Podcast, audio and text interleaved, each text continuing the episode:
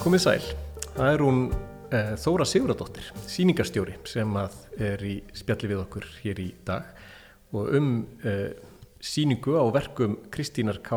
Þóradóttur, Tórótsen, sem er hér í listasatninu á Akkurir í sal 9.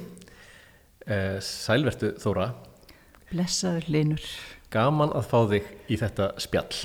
Já, takkaði fyrir.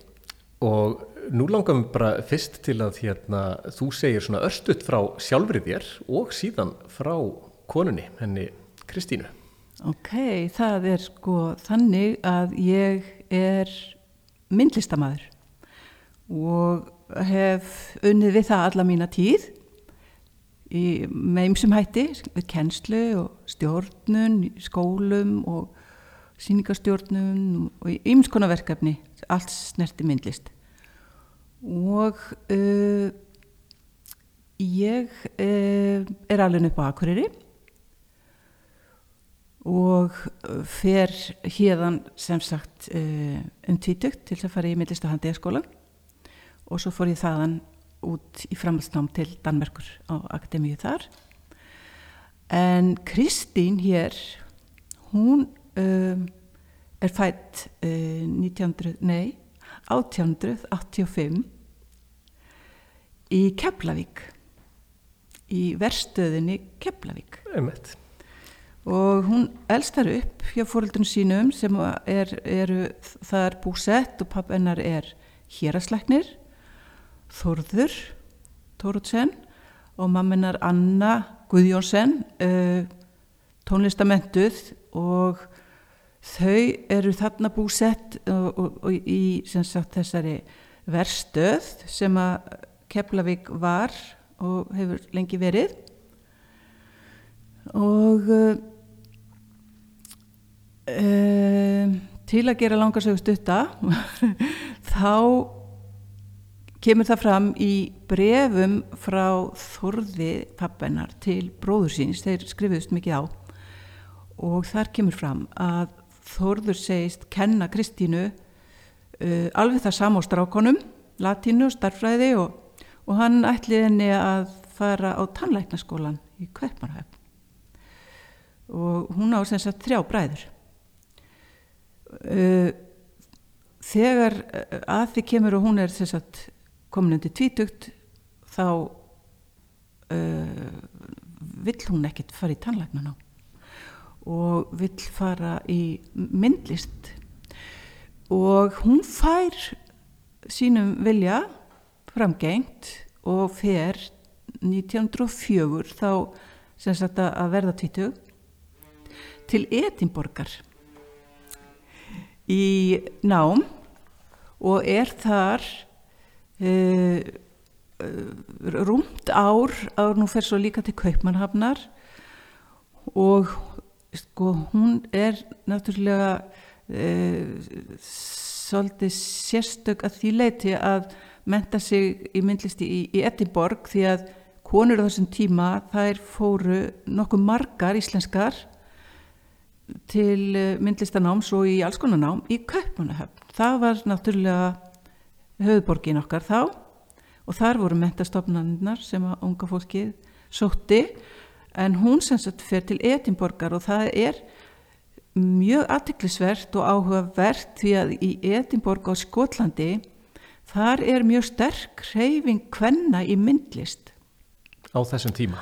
Á þessum tíma, já og fyrr og, og konur sem sagt í Glasgow School of Art sem er stopnaður um miðja 19. öld þær fá mjög góðan stuðning jáfnvel eftir útskrift til að sína og, og þær eru bakkaður upp af myndlistasamfélaginu í Glasgow ég veit ekki, ég ímynda mér nú veit ég það ekki ég ímynda mér að það hafi haft áhrif á þetta val.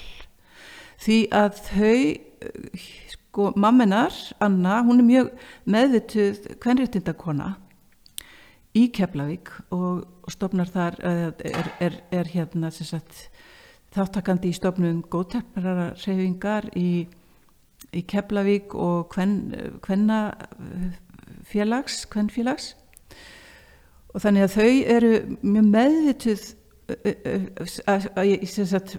meða við sinn tíma þarna í kringum aldamóti 1900 fóreldrar hennar og uh,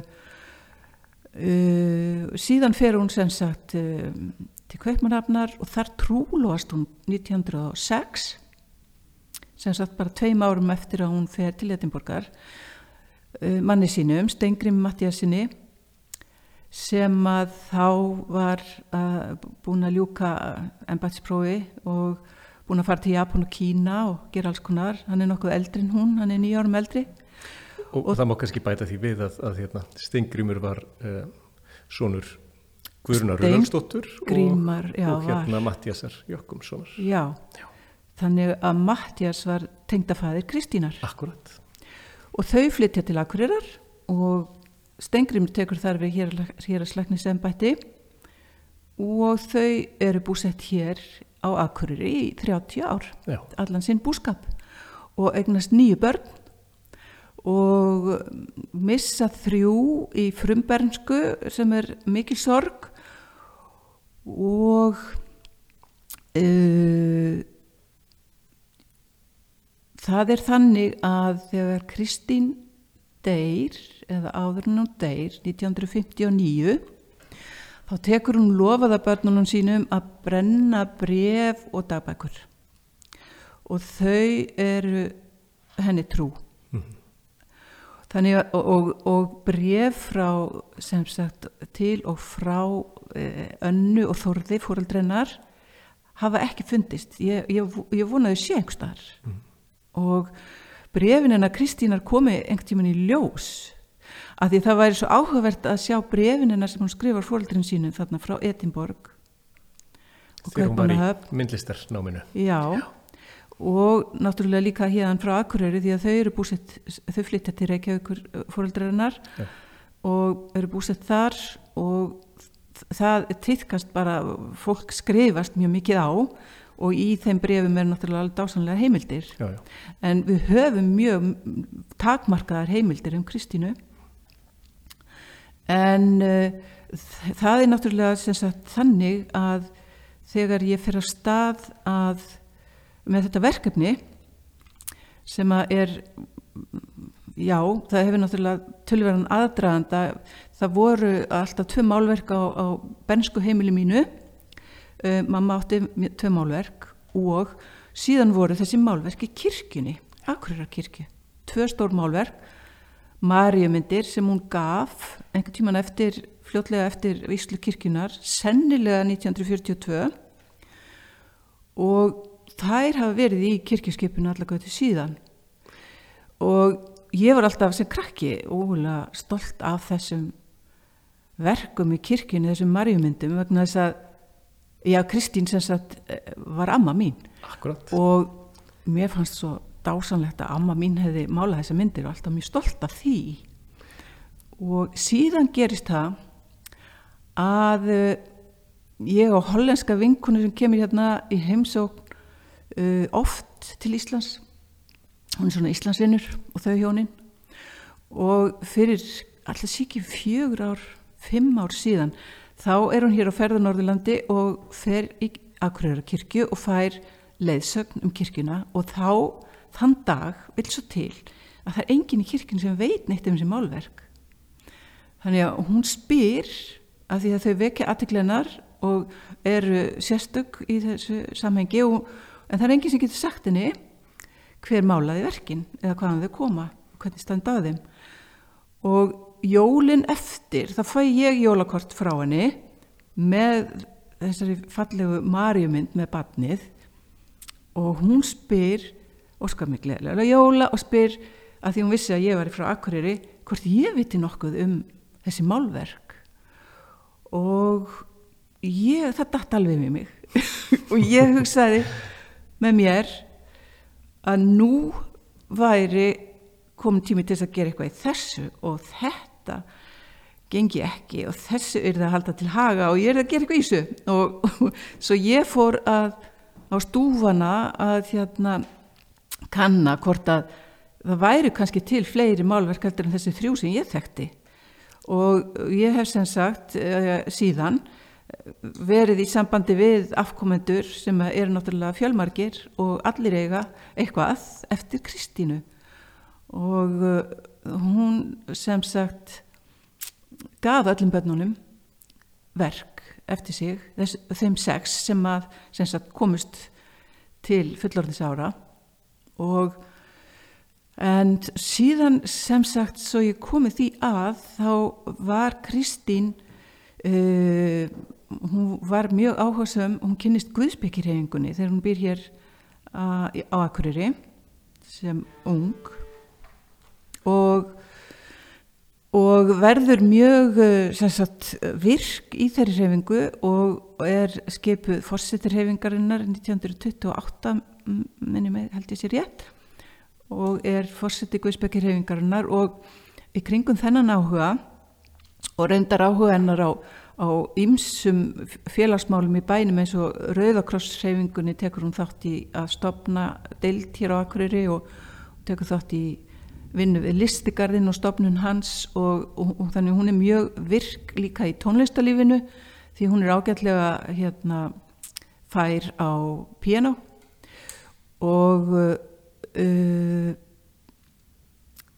í gegnum Guðsbyggirhefinguna og, og ferðalög tengd bæði Guðsbyggirhefingunni og Rauðakrossheifingunni að þá kemur hún sér upp uh, mjög góðu tengslanetti Erlendis í Evrópu.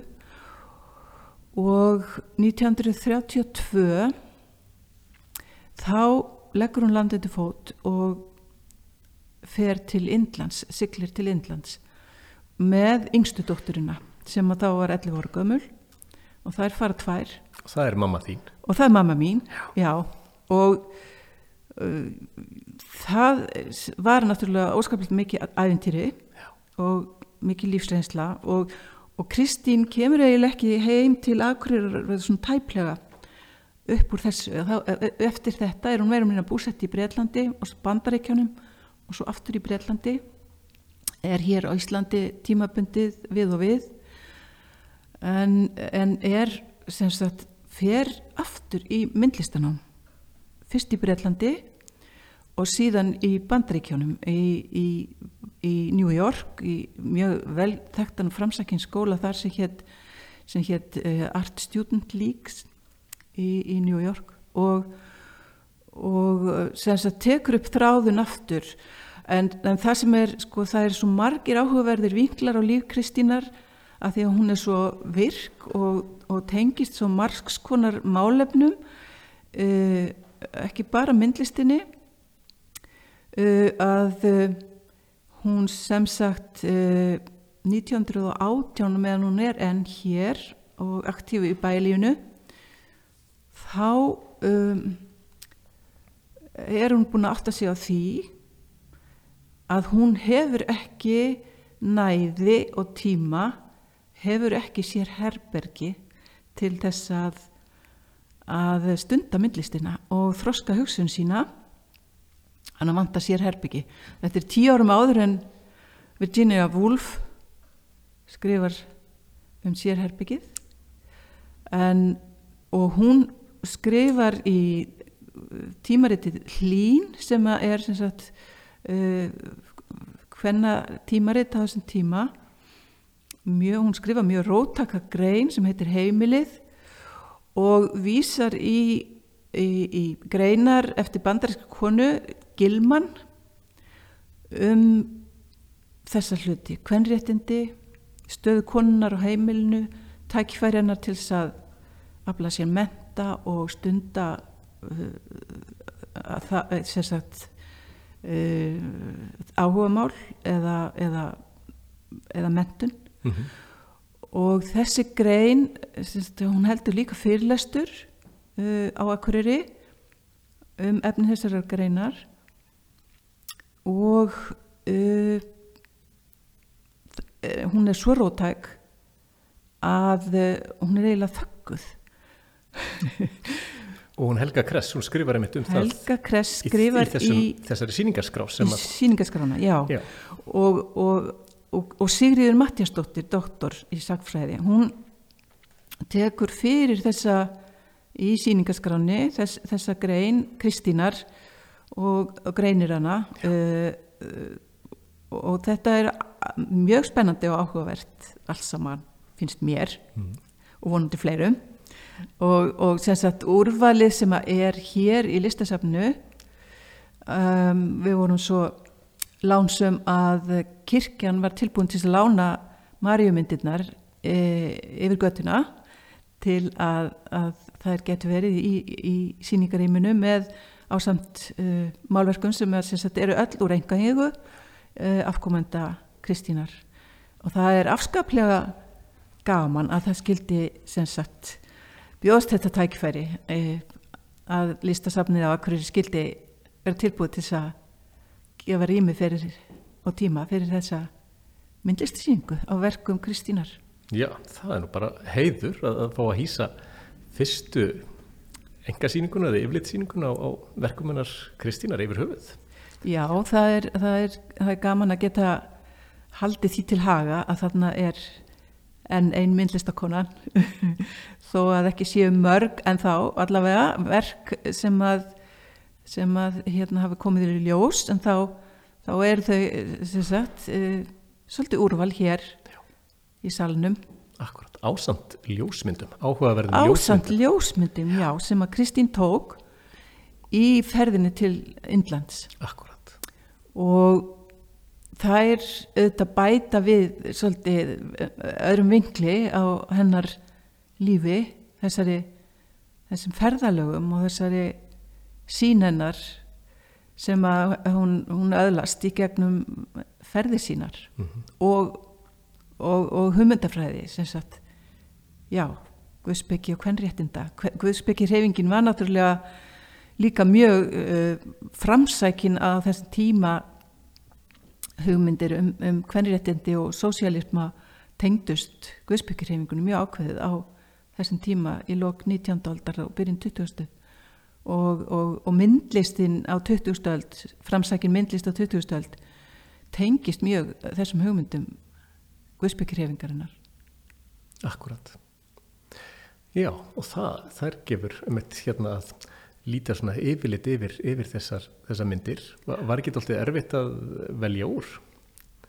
Jú, það var svolítið erfitt. Ég kom með heilmikil bara farm hinga norður til að hafa úr nóga móða og en það er nú samt svo að uh, ég reyndi að velja með þeim hætti að, að, að síningin síndi styrkanar Já.